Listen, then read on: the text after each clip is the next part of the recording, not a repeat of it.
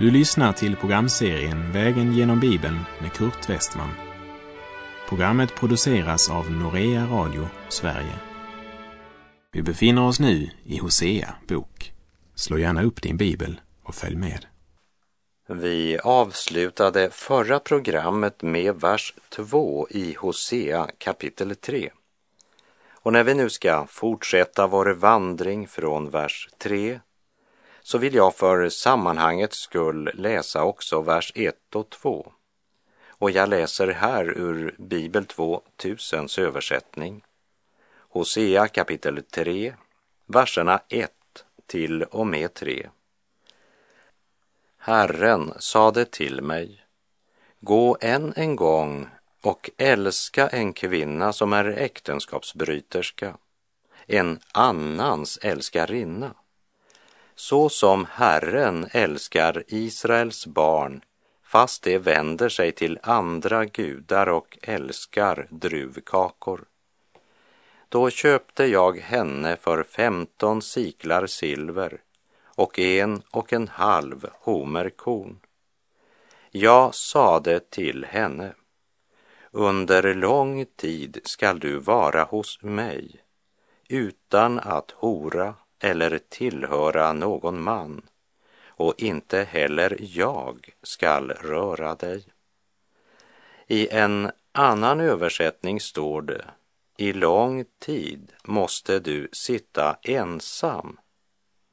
Det talar om en tid av självrannsakan och det är en påtvingad självrannsakan men vars målsättning är hennes eget bästa. En påtvingad ro där hon är tvungen att tänka sig om. Kvinnan som hade övergivit honom blev uppsökt av sin man och försatt i en situation där hon inte kunde fly undan stillheten. Det var säkert mycket mycket svårt för henne. För det finns ingenting syndens människa är så rädd för som stillhet. Hon blev hindrad att möta andra män och även hennes egen man höll sig undan. Hon blev isolerad för en tid. Det var knappast något hon själv önskade. Och orsaken till att hon följde med Hosea hem var att hon hade inget val. För det hus där hon hade sökt sin lycka hade nu förkastat henne. De ansåg henne inte ens värt priset för en slav, 30 siklar silver. Men hur tror du det kändes för mannen som älskade henne och vars kärlek hon förakt tvättat och trampat under sina fötter. I själavårdsarbetet så blir man ibland uppsökt av någon som är förkrossad och förtvivlad därför att deras make eller maka har varit otrogen. Det finns knappast något som är värre än detta. Och nu säger Herren till sitt folk, ni har handlat som gomer. Ni har i lång tid levt i äktenskapsbrott, förkastat Herren er Gud och styrts av er vinningslystnad, njutningslystnad, levt i äktenskapsbrott både i relation till Gud och människor. I yttre hänseende håller ni er fortfarande till Herren, men era hjärtan är långt ifrån Gud. Ni åkallar Gud så länge som ni tror att ni kan ha någon personlig vinning av det. Men om ni inte anser att ni tjänar på att följa Herren överger ni honom. Det är horeri. Också idag så finns det många som är med i församlingsliv och bekänner sin tro på Gud utan att leva i sann omvändelse, helgelse och rättfärdighet arma skökosjälar som följer Herren så länge som de tjänar på det. Men om de anar en större vinning genom att svika honom så gör de det precis som Judas. Han var också en Jesu lärjunge så länge som han hade något att vinna på det. Och den vinning de söker kan vara allt ifrån tom ära, ekonomisk välsignelse, inflytande över andra eller bara att upprätthålla en fin fasad. Hör dessa allvarliga ord från Matteus 7, vers 22 och 23. Och kom ihåg att det är Jesus själv som säger detta. Jag citerar. Många skall säga till mig på den dagen, Herre, Herre, har vi inte profeterat med hjälp av ditt namn och med hjälp av ditt namn drivit ut onda andar och med hjälp av ditt namn gjort många kraftgärningar. Men då ska jag säga dem sanningen. Jag har aldrig känt er. Gå bort ifrån mig, ni laglösa. Lägg märke till orden aldrig känt er. Aldrig. Jag vet att det jag nu kommer att säga, det är stark kost för en och annan. Men det är inte desto mindre sant. Och det är att en kyrka eller församling som inte förkunnar Guds ord som absolut auktoritet och rättesnöre för liv och tro, utan anpassar Bibelns sanningar efter tidsandans krav.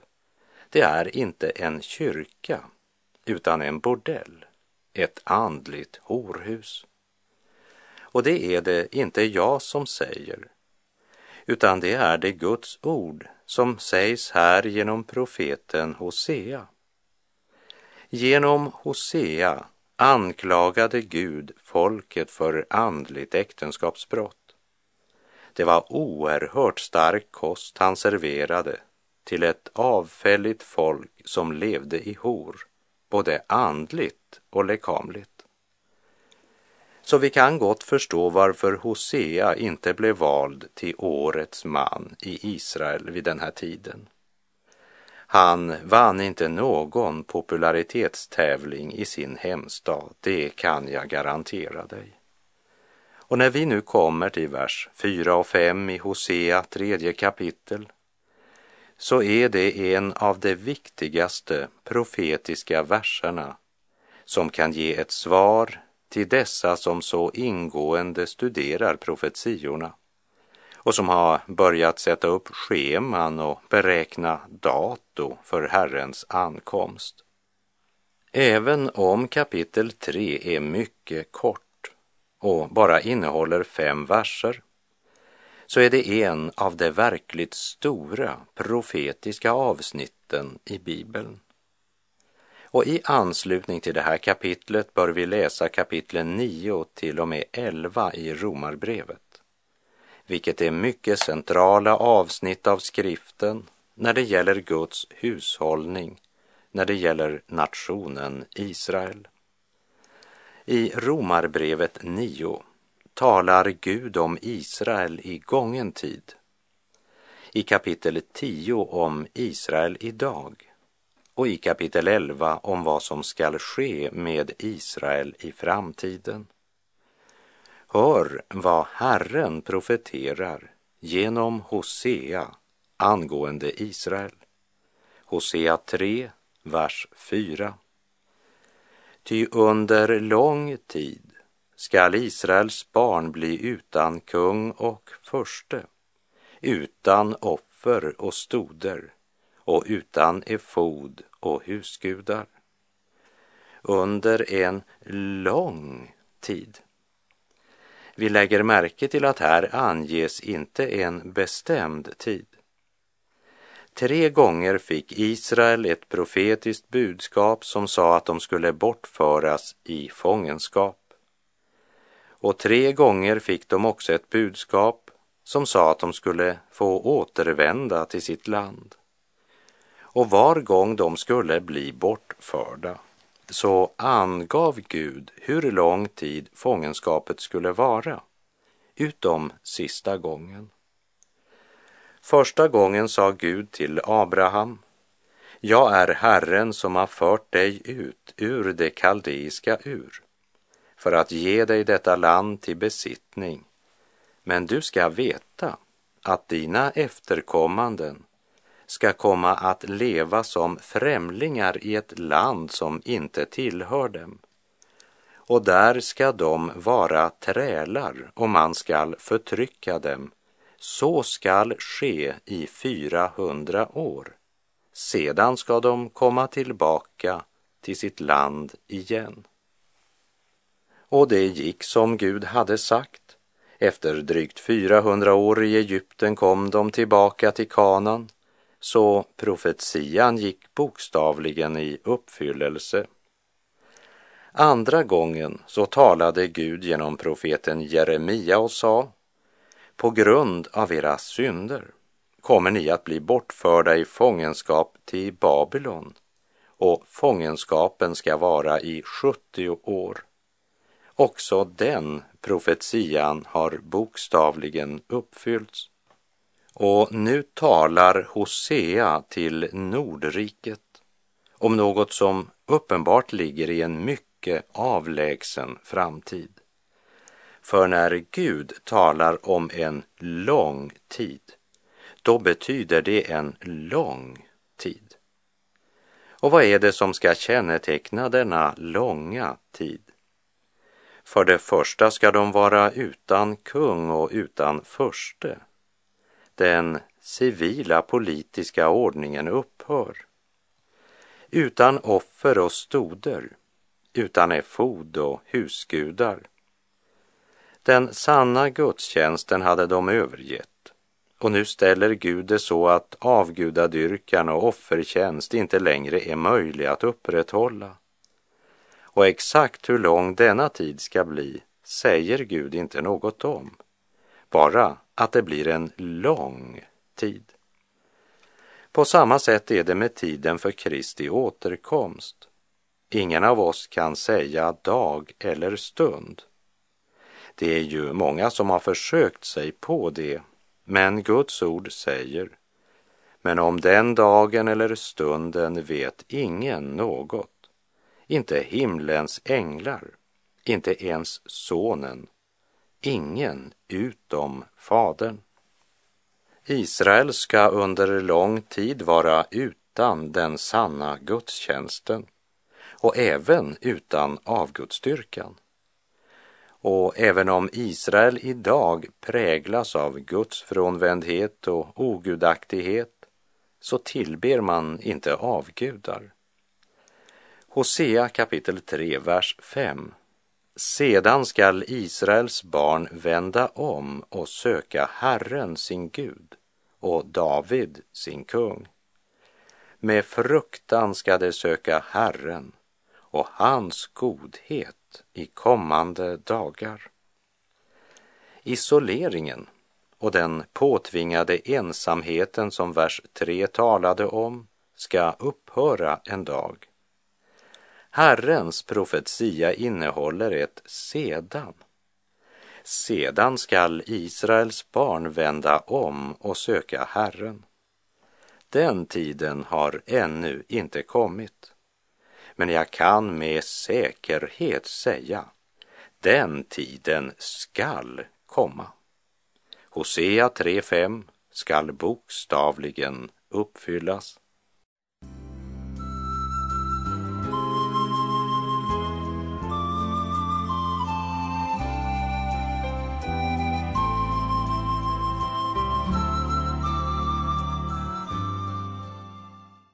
Profeten Hosea och hans eh, äktenskap med Gomer där Gud krävde att han skulle älska henne som svikit.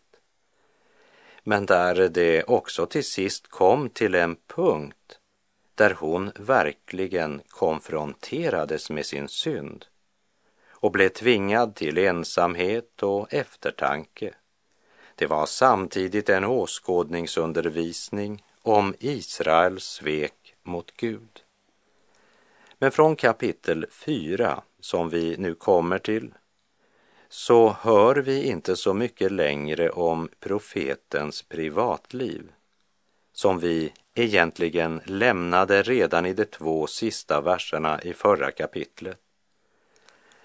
Från och med nu så hamnar profetens privatliv i bakgrunden. Nu riktas blicken mot Herren och mot nationen Israel som med sin trolöshet blivit som en sköka som trolöst svikit sin man. Och vi kommer nu till avsnittet kapitlen 4 till och med 14 som är ett profetiskt avsnitt där de tre första kapitlen skildrar det andliga förfallet och i de följande kapitlen skildras fallet mera utförligt från olika synvinklar. Vad det hela handlar om, det är att Israel står med skuld inför Gud. Och med den hjärtekrossande erfarenheten från sitt eget hem så står Hosea fram och talar till nationen. Och det är inget teoretiskt föredrag han håller. Han har inte lärt budskapet på Jerusalems teologiska fakultet. Men han är en man för vilken Gud har uppenbarat sitt budskap. Och han har personliga erfarenheter i livet som gör att han vet vad Gud känner. Gud som så högt älskar sitt folk. Men Israel besvarade Guds kärlek med att vända Gud ryggen. Gud har anklagat dem för andlig prostitution, avfall och omoral. Nu för han dem in i rättssalen där han kommer med konkreta anklagelser samt bevisen på att dessa anklagelser är riktiga. Och djupast sett kan Gud uttala samma anklagelser över vår nation idag. Vårt land som så rikt har fått del i evangeliet, upplevt väckelser, haft morgonbön i skolorna och kristendom på timplanen, har haft lagar som samsvarade med Guds ord. Men vi har förkastat Gud, format en kultur utan Gud och vi ger vårt bifall till sådant som Guds ord tydligt kallar för synd. Religiösa aktiviteter saknas inte, men vördnaden för Gud. Guds fruktan och Kristi sinnelag är det inte mycket av. Och kyrkan framställer ofta troslivet som en kravlös gemenskap där var och en får försöka göra vad som är rätt för honom eller henne. Man är totalt okänd för kostnaden av att vara en Jesu efterföljare. Och när kyrkan inte längre vågar vara kyrka, då väller vidskepelsen in över land och folk. Spiritism, new age och astrologi blomstrar i vår nation som är långt mer präglad av andlig prostitution än av sann tro och gudsfruktan. Men nu ska vi inte förfasa oss så väldigt över Israels avfall, utan istället sluta blunda för den verklighet som råder just nu i vårt land och i våra egna liv. Och verkligen be Gud ransaka oss själva så att vi kan få klarhet i om vi är en del av problemet eller en del av lösningen. Hur är det till exempel med vår gudskunskap? Studerar vi Guds ord och eh, praktiserar vi Guds ord?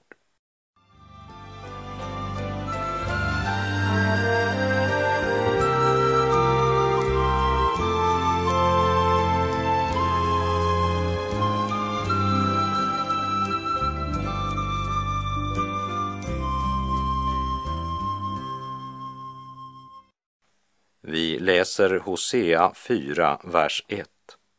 Hör Herrens ord, ni Israels barn, ty Herren går till rätta med dem som bor i landet, eftersom ingen sanning och ingen kärlek och ingen kunskap om Gud finns i landet.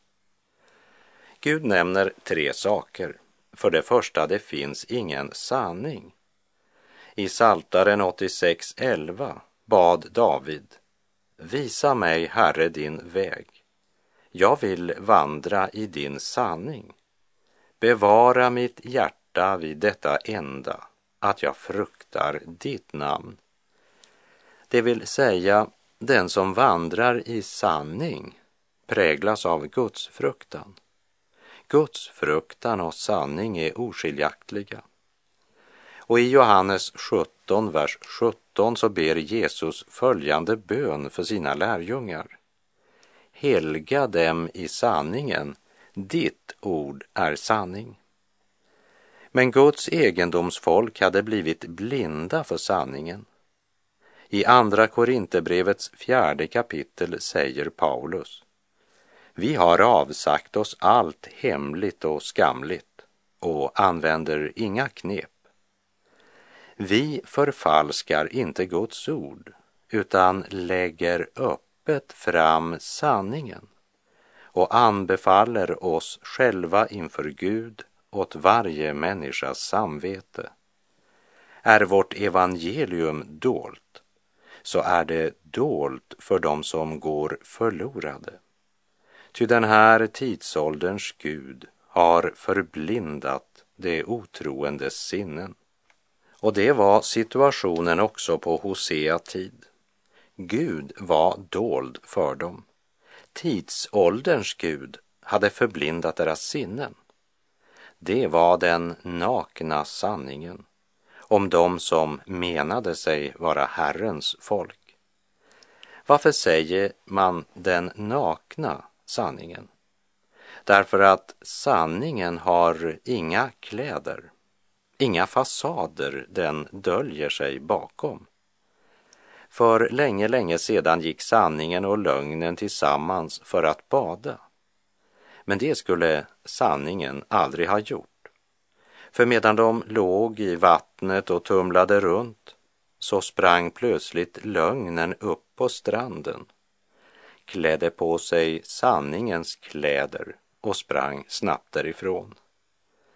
När sanningen kom upp ur vattnet var hennes kläder borta. Det enda som låg kvar på stranden det var lögnens lysande dräkt.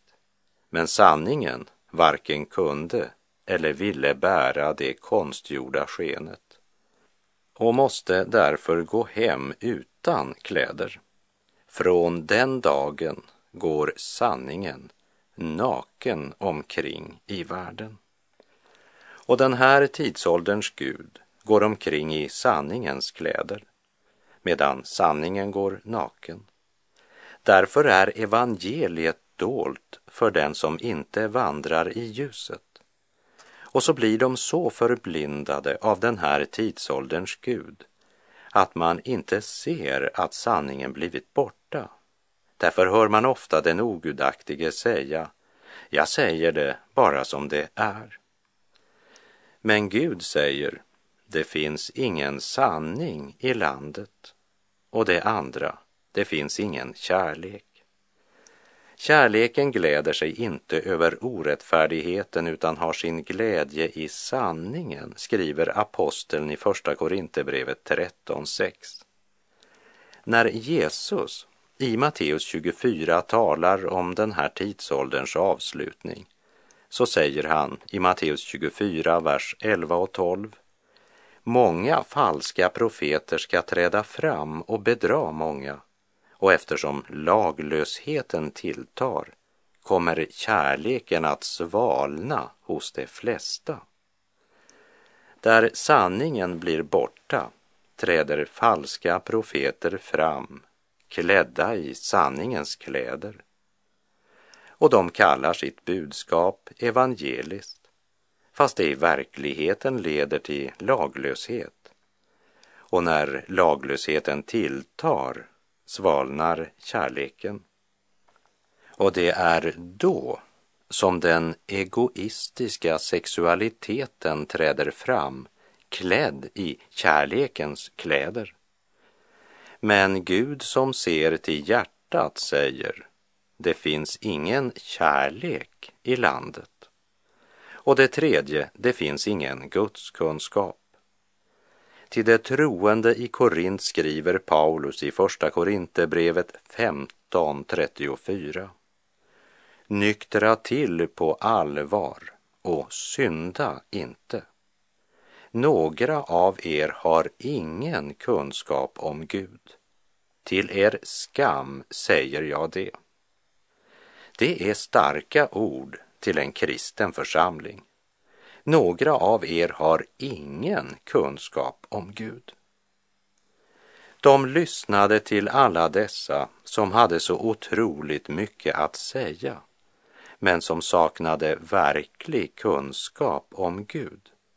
Och därför levde efter principen ät, drick och var glad, fast man tillhörde församlingen. Paulus påminner församlingen i Korint om detta eftersom den hedniska tankegången och livsstilen hade en så berusande makt över köttet. I Romarbrevet 1, vers 28 står det och eftersom de inte ansåg det vara något värt att ha kunskap om Gud utelämnade Gud dem åt ett ovärdigt sinnelag så att det gjorde sådant som är mot naturen. Och när människan förkastar Gud börjar hon dyrka det skapade istället för skaparen. Man behöver bara slå upp dagens tidning eller se några nyhetssändningar på tv så ser man vart människans herradöme har fört oss. Och det gäller inte bara krig, förorenad natur och våldsbrott, men också ett moraliskt förfall och pervers sexualitet. Och när laglösheten avtar länge ändras lagen så att den ger sitt bifall till det som Gud säger är ett ovärdigt sinnelag. När vårt lands lagar kallar det för en rättighet, det som Gud fördömer som synd, då har laglösheten tagit överhand. Hör Herrens ord, ni Israels barn, ty Herren går till rätta med dem som bor i landet eftersom ingen sanning och ingen kärlek och ingen kunskap om Gud finns i landet. Med det så är vår tid ute för den här gången. Låt oss be för oss själva och be för vårt land och vårt folk.